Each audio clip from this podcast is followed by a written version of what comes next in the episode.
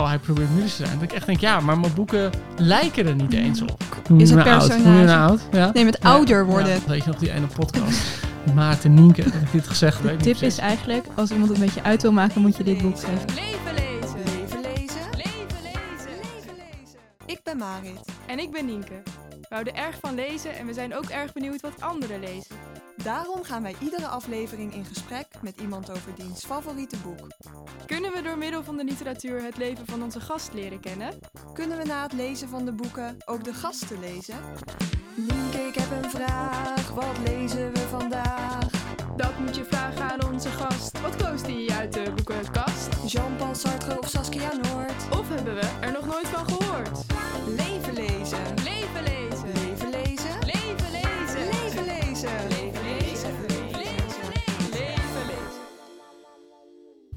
Lichtjaren met Joost de Vries.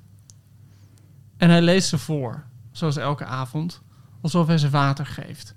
Alsof hij de grond omwoelt voor hun voeten. Er zijn verhalen bij waar hij nooit van heeft gehoord. En andere die hij kende als kind. De opstapjes die er zijn voor iedereen. Wat is de echte betekenis van die verhalen, vraagt hij zich af.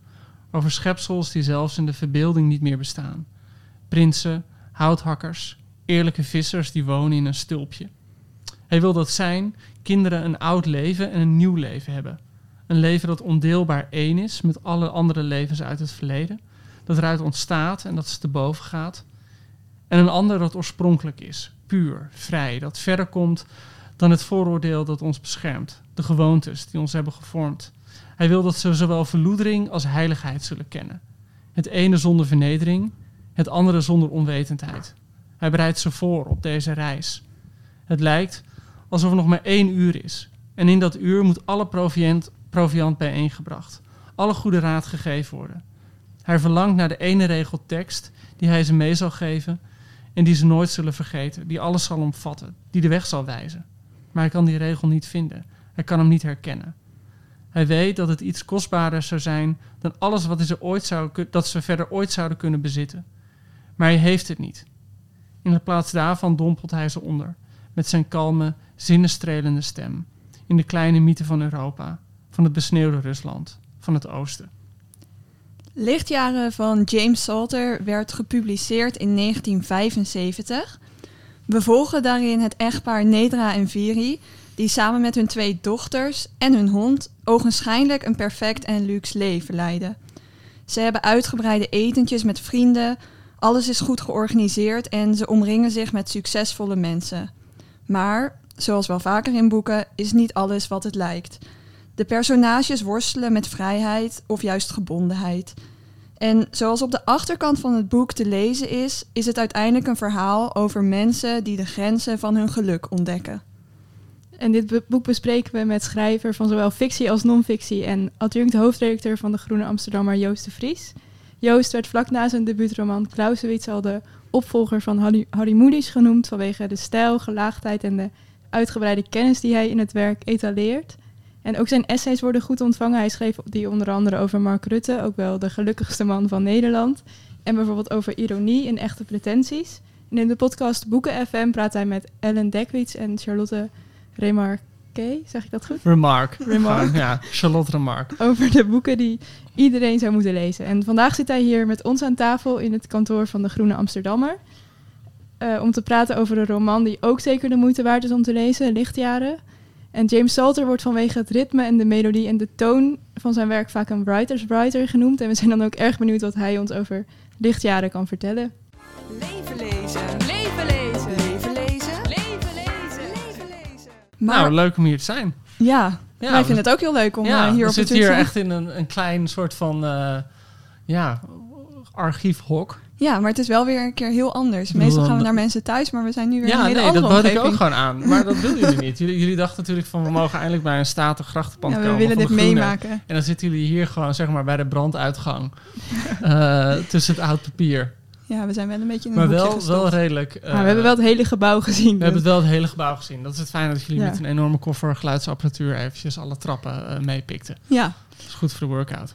Maar even terug eh, naar de vorige aflevering met eh Bab Schons. Die heeft een doorgeefvraag aan jou gesteld. Want zij was benieuwd, eh, omdat je al heel veel doet op het gebied van schrijven, literatuur en de journalistiek, wat je een leuk uitstapje zou vinden om iets helemaal anders te doen. Nou, het gekke is, ik heb mijn hele studententijd, heb ik, eh, of bijna mijn hele studententijd, heb ik in een restaurant gewerkt. Restaurant D'Olifant. Ja. En dan D met een apostrof olifant. Dat vond de eigenaar heel chic. Dat vond hij heel Frans klinken. Ehm, en daar begon ik als soort van afwashulpje. En eh, toen ging ik langzaam, mocht ik op een gegeven moment de amuses en de koude volgerechten doen. En daarna op een gegeven moment heb ik nog cursussen gevolgd. Toen mocht ik de warme hoofdgerechten doen. Om het uit te serveren of om het te Nee, maken? om het te maken. Ik stond in de Oh. keuken. En eh, op een gegeven moment hadden we ook best wel een grote keuken. En ehm, dat weet ik gewoon nog. Weet je, dan was het zes uur en dan kwam iedereen binnen. En ik, ja, ik moest er meestal om een uur of half vijf zijn. En dan was het eh, zes uur, kwamen de eerste gasten binnen. En dan begon je gewoon te werken. En dan voor je gevoel, tien minuten later was het elf uur s'avonds. Die echt helemaal in zo'n werk, werkflow zit. Dat je gewoon als een, als een gek gewoon zalm aan het verleren bent. En carpaccio's in elkaar flikkeren en gamba's bakken en weet ik wat. En dat je geen tijd hebt om na te denken of om je heen te kijken. En dat je begint dan echt in zo'n hagelwitte kokskombuis. En op een gegeven moment zie je er gewoon uit alsof je net zeg maar, een gezin hebt vermoord. Weet je, zoveel smurrie zit er op je borst. Eh, en dat was zo lekker. En dan was je gewoon om 11 uur klaar en dan ruimde je ontspannen de keuken op met een biertje. En dan ging je daarna met elkaar aan de bar zitten. En dat was echt een heerlijk. Dat, dat was echt heerlijk. Ik heb nog steeds wel eens als ik in zo'n café ben waar, of in een restaurant ben waar het heel druk is. Denk ik, oh wat heerlijk voor die koks. Wat heerlijk om nu in. Dus dat, kan ik, dat is altijd zoiets waarvan ik bij mezelf kan denken: van goh, dat, dat, zou, dat zou ook nog een optie zijn geweest. Nou, er zijn wel hele grote tekorten nu in de horeca. Ja, dus nee, ik kan zeggen. je- Ik kan gewoon onderhandelen over mijn salaris en zo. Ja, Maar ik was, eh, ik was met mijn uitgever vorig jaar in Noma. Dat is letterlijk het beste restaurant ter wereld. Heeft drie sterren en, en nou, wordt altijd in eh, Kopenhagen zit dat. En toen zag ik dat personeel zo bezig. En toen dacht ik, jezus, dat is echt... Weet je wel, alsof je bij Barcelona speelt. Wat moet dat geweldig zijn? Dus voor mij is dat in mijn hoofd altijd zo'n soort van andere route die ik had kunnen nemen. Niet dat ik per se goed genoeg was om bij zo'n restaurant te werken hoor. Maar wel dat je denkt van, goh, ah, dat is ook wel heel fijn geweest. oké. Is dat Ja. goed, zou Babs dat een goed antwoord vinden, denk je? Ik denk het wel. Het is wel iets heel anders Het is wel dan anders schrijven Ja, en eh, inderdaad. journalistiek. Het is me ook heel mooi om bijvoorbeeld... In, in lichtjaren zit zo'n hele mooie scène dat hij een overhemd laat maken. Mhm. Weet jullie dat nog? Ja, in het en, begin. eh, in het begin. En dat, dat lijkt me... Ik bedoel, ik ben heel vaak in Londen. Dan heb je een aantal van die straten, Savile Row, waar, waar van die pakken gemaakt worden. En dan heb je zo, zeg maar, op de belle etage, als je langs die panden loopt. eh, dat is dat een winkel. Maar dan kan je zo beneden het souterrain in kijken. En daar zitten die mensen dan die pakken te maken. En dat lijkt me toch ook wel gewoon heerlijk. Heb je dan ook wel iets met luxe? Want je hebt het dan over een drie sterren restaurant en hele mooie pakken. Ja, ik heb wel iets met luxe, maar dat, dat ja, gewoon, ja, want ja, ik bedoel, ik kan het ook over McDonald's hebben, dat eet ik ook wel eens hoor. Eh, ik bedoel, eh, heel moeilijk om gewoon tegen nuggets nee te zeggen.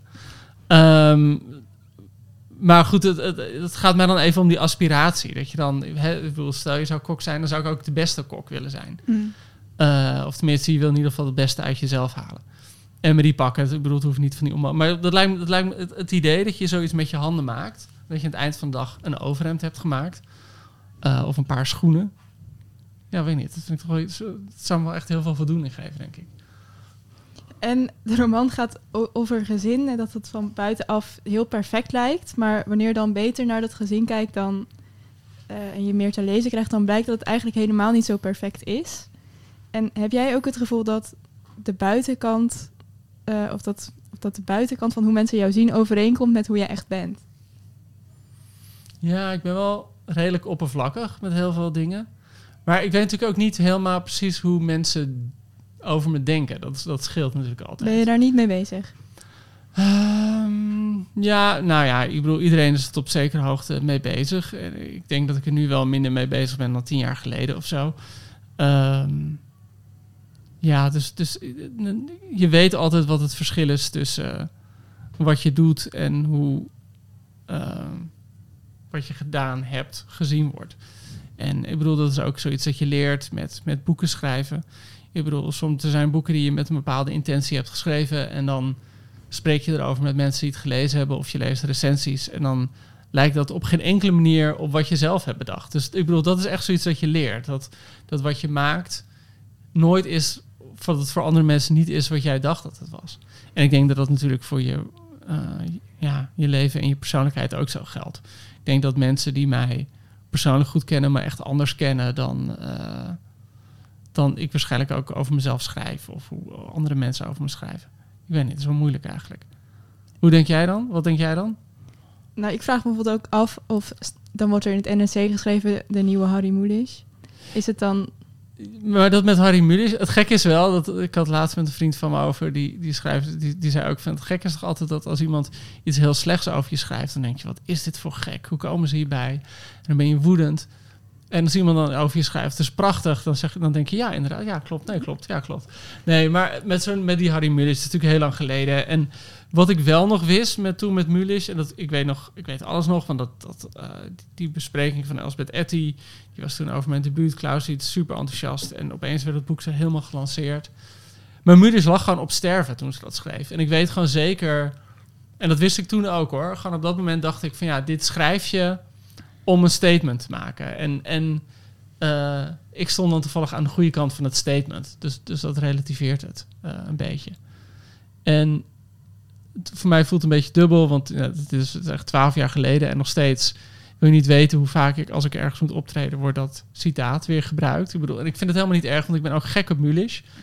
Maar ik vind wat ik schrijf echt niks met Mulisch te maken hebben. En dat, dat, dat is gewoon zo'n gekke disconnect. Dat ik echt denk... En mensen, ik bedoel, er ook mensen die, die wat negatiever over me zijn... en zeggen, oh, hij probeert Mulisch te zijn. Dat ik echt denk, ja, maar mijn boeken lijken er niet eens op. Dus wat dat betreft voelt het altijd een beetje, een beetje merkwaardig. komt de buitenkant niet overeen met de binnenkant? Ja, goed, maar ja, de buitenkant, ja, ach, de buitenkant is ook hoe ik eruit zie. En eh, ja, daar kan je ook verder weinig over zeggen. Maar je zei net ook ehm, dat je het gevoel hebt dat je nu minder bezig bent dan bijvoorbeeld tien jaar geleden. Met wat mensen dan van je zouden denken. Ehm, dat heeft misschien ook te maken met ouder worden. In het boek is het oud? Je personage. me oud? Ja? Nee, met ouder ja, worden. nee, Wij worden zelf ook ouder. maar het personage Nedra in Lichtjaren Ja. heeft best wel moeite met ouder worden. Ehm, wij Dus- konden op jouw Instagram zien dat je vorige maand jarig was. Ja, ik was 39 geworden. En het staat in het boek zo ergens. Of Nedra, die wordt dan bijna 40. En dan Mhm. zeggen ze van, ze ziet, ze ziet de leeftijd voor haar als een, als, wat is het, een rif in het water. Ja, ze vindt het heel moeilijk. Zij vindt het heel moeilijk, ja. Wat vind jij van ouder worden? Nou, wat, wat James Salter denk ik heel mooi beschrijft in het boek... is dat, en daar gaat het hele boek eigenlijk over... dat die confrontatie tussen, nou jullie zeiden het ook al... tussen geborgen zijn binnen een relatie en binnen een gezin en binnen een huis... en tegelijkertijd dat vrij willen zijn. Mhm. En ja, dan moet ik jullie niet eh, zeg maar een depressie inpraten. Maar er komt natuurlijk altijd zo'n moment dat je zeg maar studeert en dan ga je een beetje langzaam afstuderen en dan ga je de wereld in. En dan is alles mogelijk. En opeens komt er zo'n moment dat je die vrijheid niet meer hebt. En dat je gewoon een koophuis hebt en een gezin of weet ik wat. Of, eh, net hoe je het aan wil pakken. Eh, en naarmate je ouder wordt, zie je dus dat die, die mogelijkheden, die al die zeg maar, die, je vaart over een rivier. In het begin lijken er overal zijtakken waar je naartoe kan gaan. En, en dat wordt minder, denk ik. Ehm, of lijkt het, in ieder geval. Dus het gekke is... ehm, ik, word ouder, net zoals wij allemaal. En aan de ene kant, als ik dan denk van... God, volgend jaar word ik 40, vind ik dat een, een bizar idee. Vind ik echt een bizar idee. Van, van een bepaald gevoel hoor ik nog steeds moet soms college geven op de universiteit. En dan denk ik, ja, maar ik hoor ik daar niet nog gewoon tussen te zitten. Maar aan de andere kant, ja, ik ben ook gewoon echt geen 29 meer. Weet je wel? Ik bedoel, er is echt heel veel gebeurd in mijn leven. En eh, ja, ik, ik, ik ben 39 en dat ben ik ook echt. Mhm. Ehm, En zijn er ook dingen die je juist heel fijn vindt aan ouder worden? Ja, wat denk ik heel fijn is aan ouder worden. En ik kan het iedereen echt aanbevelen. Ik bedoel, ik, ik heb heel veel college moeten geven. En, en dan praat je heel veel met mensen die gewoon begin twintig zijn. En die hebben allemaal vragen over dingen. En eh, zijn vaak onzeker over allerlei dingen. En het antwoord op al die onzekerheden is, word gewoon 30. Oké. Dan merk je echt dat heel veel van die dingen gewoon wegdrijven. Dat heel veel van die vragen die je hebt, en dingen waar je onzeker over bent.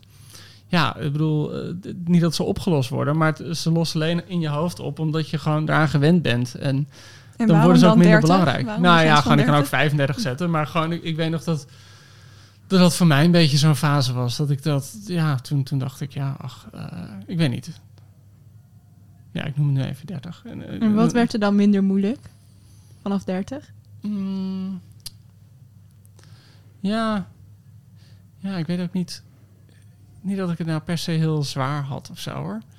Eh, ik ben... ehm, nou, ik ben niet... Ik, niet heel zwaarmoedig in het leven, gelukkig.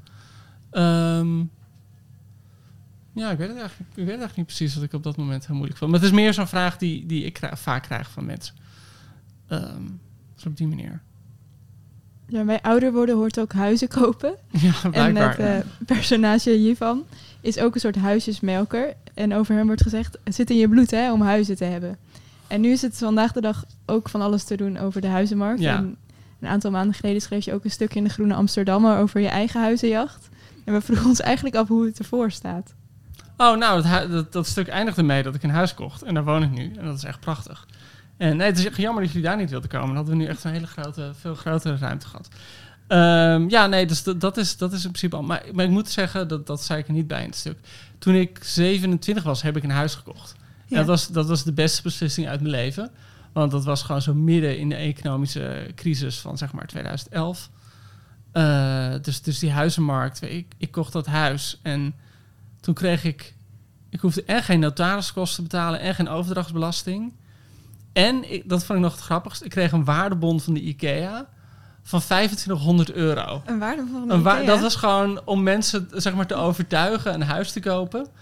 En dat was gewoon zijn huis. Ja, ik kon er gewoon eh 20.000 euro van de vraagprijs afhalen. En het is nu meer dan drie keer verdubbeld bij En dat was in. Amsterdam ook. Dat was in Amsterdam ook, ja. Dus dat ben ik nu aan het verkopen toevallig. Dat heb ik eerst nog laten opknappen. want dan- Dat stelde mijn makelaar voor. Nou, verder niet allemaal heel boeiend.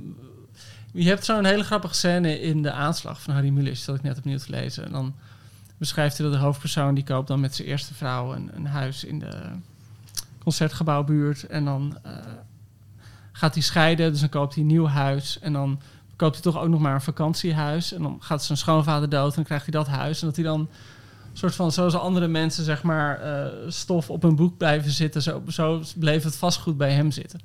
En je hebt natuurlijk ooit zo'n hele generatie gehad voor wie dat weggelast was. En dat is het, dat is het voor onze generaties en jullie generatie gewoon echt niet. Mhm.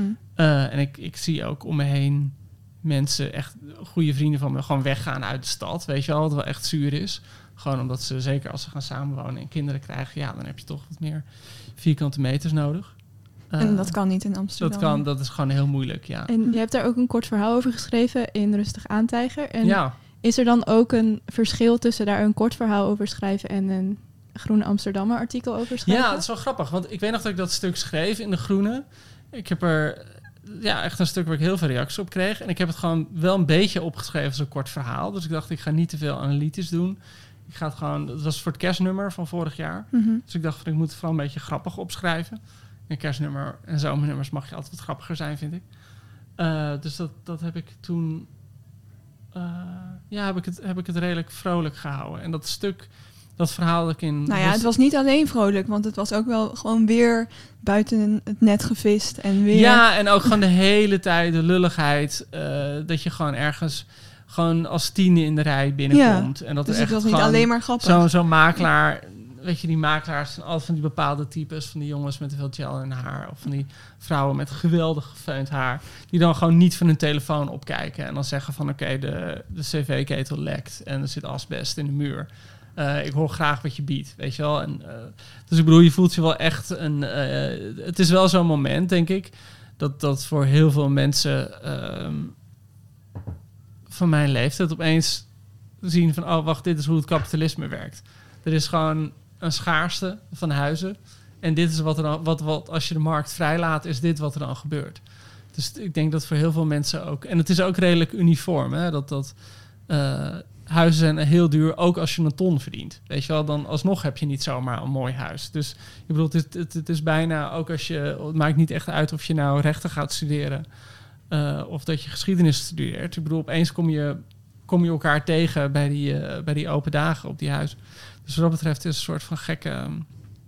ja, tenzij je ouders heel veel geld hebben. Opeens zie je die kloven in de maatschappij. Mhm. Ja. En voordat je op je 27ste dat huis kocht, in wat voor een huizen heb je gewoond tot die Oh tijd? ja, oké. Nee, ik heb een, eh, eh, in Utrecht gewoond. Ja, jij studeert in Utrecht. Nee, oh, jij studeert. Sorry, shit. shit, shit. Ehm, en dat weet ik nog heel goed. Het was mijn eh, eerste collegedag. We werd ik in de pauze van mijn eerste collegedag gebeld dat ik een, dat ik een kamer kreeg. En dat was in een huis met alleen maar meisjes. Mhm. Maar ik moest blijkbaar een brief schrijven aan zo'n huisjesmelker, zo'n vrouw die een paar huizen had. Dus ik had gewoon zo'n super zielige brief van, oh, ik heb het zo moeilijk, ik wil zo graag studeren. En eh, dan mocht ik dus in. En dan heb ik mijn hele studentenhuis heb ik in dat huis gewoond. En toen ben ik door al die, eh, al die kamers, dus ik begon echt in de kutse kamer naast de keuken. En uiteindelijk had ik een hele mooie zolderkamer. En heb ik altijd met alleen maar meisjes gewoond. Wat altijd heel goed is, want je leert gewoon dat meisjes net zo erg zijn als mannen. Gewoon in alles. Weet je wel, dat is gewoon heel goed om te weten. En ehm, eh, dus daar heb ik eigenlijk altijd heel, ja, heel lekker gewoond. Heel mooi zijstraatje midden in, eh, in Utrecht. Ehm, dus daar, en toen heb ik daarna heb ik een tijdje een etage gehad, ook in Utrecht. Mhm. En ehm, eh, dat was ook heel mooi trouwens. Was wel was niet groot. Ik had echt zo'n piepkleine. eh, ik weet nog dat ik daar ging wonen. Eh, en ik had dus altijd die kamer, was altijd één kamer gewend in Utrecht. Of op een gegeven moment had ik zeg maar anderhalve kamer in dat studentenhuis. En toen opeens had ik zo'n huis met een, een hele grote slaapkamer. En dan een soort van smalle, langgerekte keuken. En een woonkamer. En dan, ik kwam dan nooit in die woonkamer. Dat was gewoon. Omdat het te groot Dat was. was te groot of zo voor mezelf. Dat, ik heb er echt maanden over gedaan voordat ik daar een keer op de bank ben gaan zitten. Eh was gewoon zo heel gek. En, ehm, eh, maar daar heb ik een paar jaar gewoond. En toen wilde ik heel graag naar Amsterdam, omdat gewoon mijn werk was hier en al mijn vrienden waren hier. En ik, ik, schreef inmiddels boeken en dan moet je ook gewoon voor het grootste. Dus op een gegeven moment had ik bijna niks meer in Utrecht.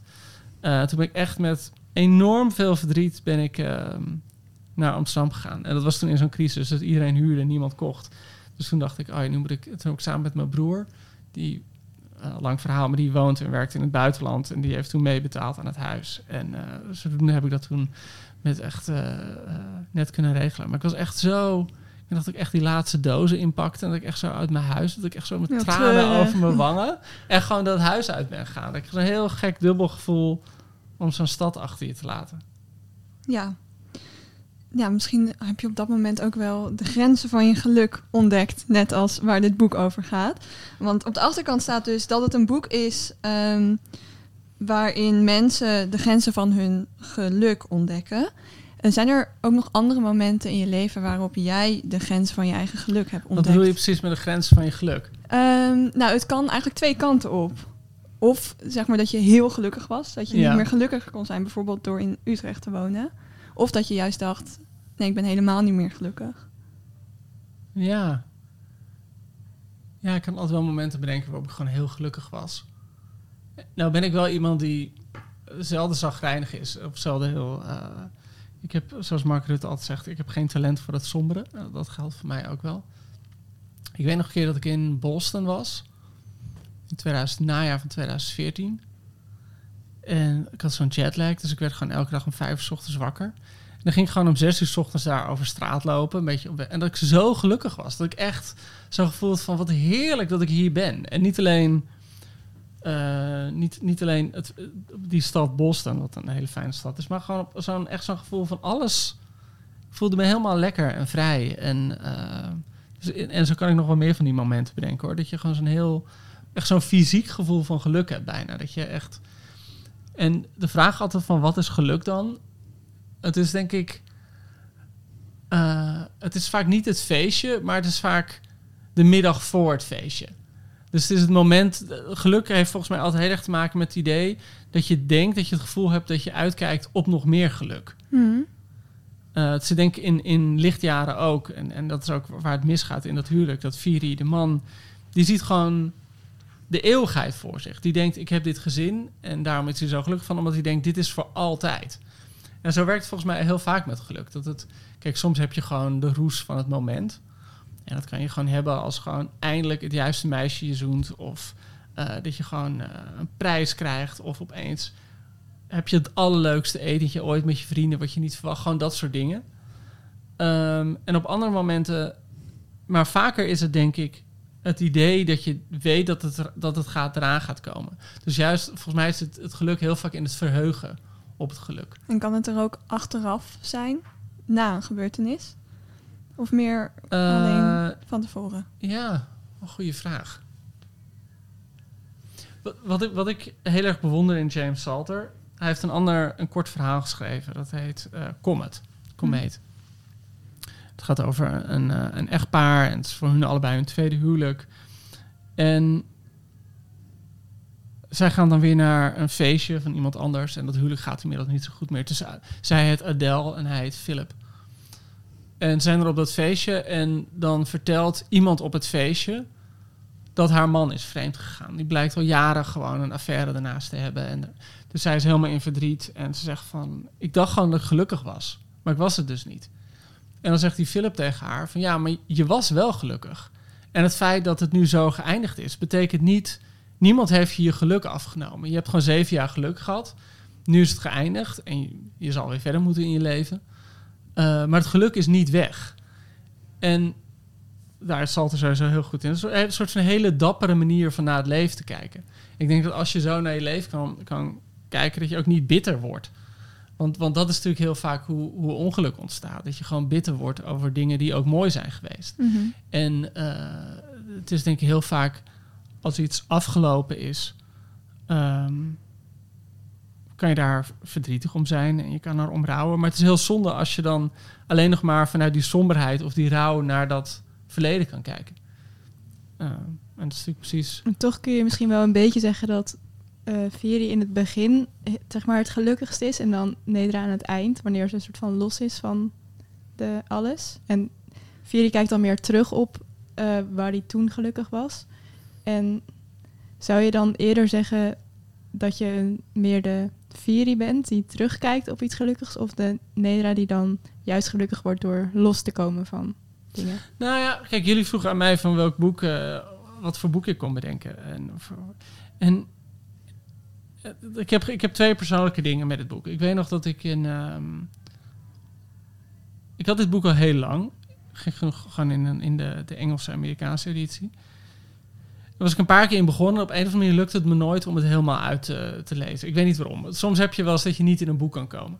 Dus ik had het boek een paar keer geprobeerd te lezen en toen niet gedaan. En toen kwam de Nederlandse vertaling uit. Gek genoeg had ik toen wel een paar andere boeken van Salter gelezen. En toen dacht ik, oké, ik neem de Nederlandse vakantie, Nederlandse Want je lichtjaren. kwam niet door de Engelse versie. Ja, op een of andere terwijl ik wel de andere boeken van Salter, dus uh, Spoor in de Pasta, had ik wel in het Engels gelezen en een paar van zijn verhalenbundels ook. En toen nam ik die Nederlandse mee naar Malta. Ik ging in mijn eentje op vakantie naar Malta. Ik had, kwam net uit een relatie en dat was gewoon stuk gegaan. Vooral omdat ik gewoon duidelijk de Nedra was in, dit, Mhm. in deze vergelijking. Ik had gewoon het idee, de wereld is een oester. Pluk de appel. Ik weet niet precies. Maar ik, ik had gewoon zo'n heel erg zo'n behoefte aan veel meer vrijheid. En dat alles kon. En eh, dat gevoel had ik heel erg. En ik bedoel, ik stond er ook wel, wel dubbel in hoor. Want, eh, en toen was ik op de laatste dag ben ik hierin begonnen. En toen heb ik in het vliegtuig heb ik het gelezen. Ik had een overstop in Bern of zo. In de Alpen ergens. Heel mooi vliegveld. Toen heb ik daar alleen maar dat boek zitten lezen. Was ik helemaal kapot van. En dan echt zeldzaam kapot. En ook op zo'n manier dat ik echt dacht van... Wat, wat gebeurt hier? En ehm, dat ik opeens... Ik dacht dus dat ik heel erg zo'n Nedra was. Maar eigenlijk opeens ging ik helemaal mee in Viri. Van het Mhm. idee van... Ja, maar dat gebonden zijn is ook echt prachtig. En... ehm, en, en dus opeens door dat boek, ik begon zeg maar aan één kant en ik eindigde aan de andere kant. Eh, en dat is heel mooi. En het gekke is, toen jaren later heb ik aan een, weer een andere vriendin, toen dit, een raar verhaal, toen heb ik dit boek gedaan, toen heeft ze het gelezen en toen wilde ze dus ongeveer met me uitmaken. Oh, Omdat zij dus helemaal nedra was. Dus zij dacht, ik moet ook vrij zijn. Dus ik bedoel, ik heb dat hele gekke... En dus, dus ik las het boek, toen was ik vier. En toen heb ik ook weer iets met dat meisje gekregen. Omdat ik dacht van, ik moet weer terug. En dus ik heb misschien ook wel heel veel verdriet... James Salter mij heel veel verdriet laten aanrichten. Dat weet de niet tip precies. is eigenlijk, als iemand het met je uit wil maken, moet je dit boek geven aan diegene. Ja. En als je gewoon gelukkig bent in een relatie... absoluut niet dit boek aan die persoon geven. Gewoon misschien niet aan je partner geven. Oké. Gewoon, ik denk dat dat iets zou kunnen zijn. Ja. Leven lezen. Leven lezen. Leven lezen. Leven lezen. Leven lezen. Aan het eind van het boek maakt Veri een lijst van dingen die hem konden redden. Van de genoegens die hem nog resten. En daar staat op een houtvuur, de Londense Times en eten met vrienden. En wat zou jij op zo'n lijst zetten? Eh, wat mij zou kunnen redden. Ik denk dat eten met vrienden heel fijn is, inderdaad. Eh, ik denk ook de krant. Ik ben echt gek. Ik vind weinig, weinig Dus ook een soort van de Londense Times. alleen ja, de London Review of Books of zo. Ik vind weinig dingen zo fijn als gewoon in een café zitten en zo'n krant lezen, zo'n zo'n blad lezen. Dat, dat geeft me altijd. eh, ik denk dat werk me kan redden. Ik bedoel, ik, vind, ik werk bij de Groene al heel lang. En eh, dat, dat is echt een, een voorrecht, omdat je echt zo'n gevoel hebt dat hè, de Groene gaat over alles wat er in de wereld gebeurt op een bepaalde manier. En doordat je dan daar werkt, heb je het gevoel dat dat, dat ook met jou te maken hebt. Dus het is een hele fijne manier om je aan de wereld te verankeren. Dat zou me redden. Ehm, ja, ik vind het moeilijk ook om over mezelf na te denken als iemand die gered moet worden hoor, op die manier. Eh, ik heb natuurlijk niet dat, kijk, bij, bij, bij Viri op het einde, zijn gezin is weg, zijn vrouw is weg. Hij loopt dan nog één keer zo door dat huis heen waar hij zo gelukkig is geweest. En eh, dat is er bij mij niet. eh, vind ik moeilijk om dat bij mezelf voor te stellen. Op die manier. Eh, wat echt. Ik kom het zelf dit nu zo zeggen. Dan denk ik, oh mijn god, als dit niet zo'n moment is dat ik dan over een half jaar van, oh god, weet je nog die ene podcast met Maarten Nienke dat ik dit gezegd heb. en nu is alles Dat zijn juist de kapot. goede Nu is momenten. alles kapot. Ja. Ehm, ja, wat zou ik nog meer op die lijst willen zetten? De Ronde van Vlaanderen. Vind het weinig zo fijn als gewoon wielrennen, een hele dag wielrennen kijken. Honden. Maar waar, specifiek honden. de Ronde van Vlaanderen. Ja, dat is gewoon de mooiste wielenwedstrijd altijd die er is ongeveer. Gewoon een hond kunnen aaien. Wat is, nou, wat is nou fijner dan dat? Gewoon een hond zien überhaupt. Daar word ik altijd wel vrolijk van.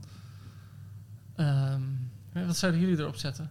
Niet een hond aaien. Niet een hond aaien?